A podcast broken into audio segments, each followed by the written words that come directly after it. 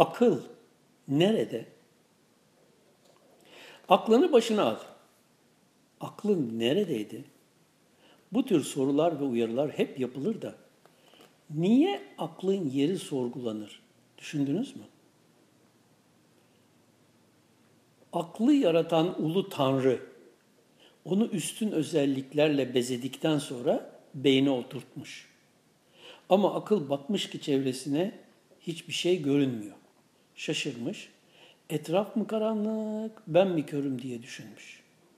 Çözememiş olayı, sormuş Tanrı'ya.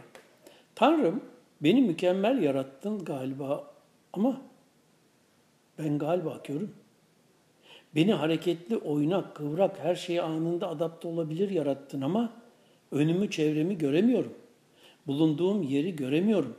Sadece bulunduğum yerden bana gelenleri değerlendirip onları amaçlarına göre en mükemmel şekilde yönlendiriyorum. Tanrı cevap vermiş. Seni öylesine mükemmel yarattım ki ayrıca bir de göze ihtiyacın yok. Kör olman daha hayırlı. İşlevini hakkıyla yapabilmen için. Seni öyle bir mekana yerleştirdim ki orada her şey sana ulaşabilecek şekilde var.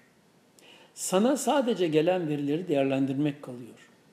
Sen evrenin merkezindesin bulunduğun mekan itibariyle. Orada sana gelen verileri değerlendirirsen bulunduğun ortamın sultanı olursun.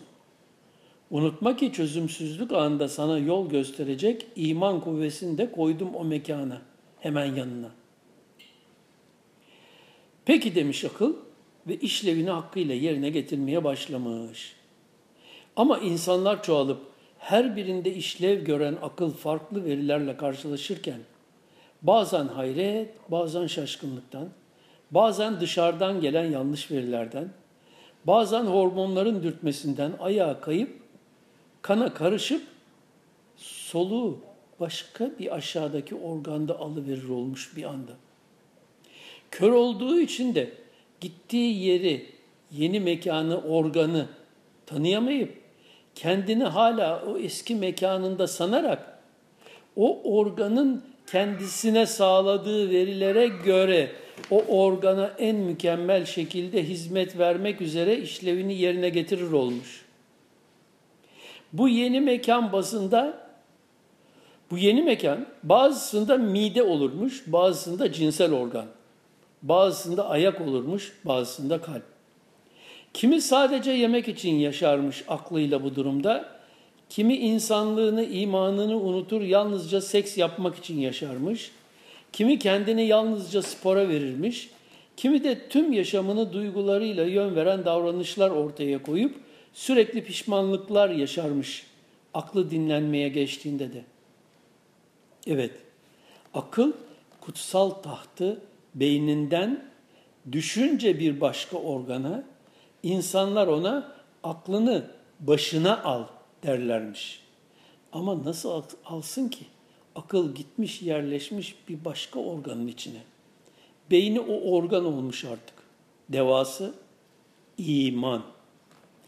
Ya iman ağır basar ve aklı bulunduğu yerden kopartır, eski tahtına oturtur ya da akla söz geçiremez, onunla ilişkisini kopartır bu durumda, ne halim varsa gör diyerek. Böylece akıl da artık imansız bir şekilde bulunduğu organdan mutlu, yaşamına devam edip imansız bir şekilde dünyasını değişir. Bakarlar ötelerden ve derler, biri daha gitti imansız.'' 29 Temmuz 2003 Raleigh NC USA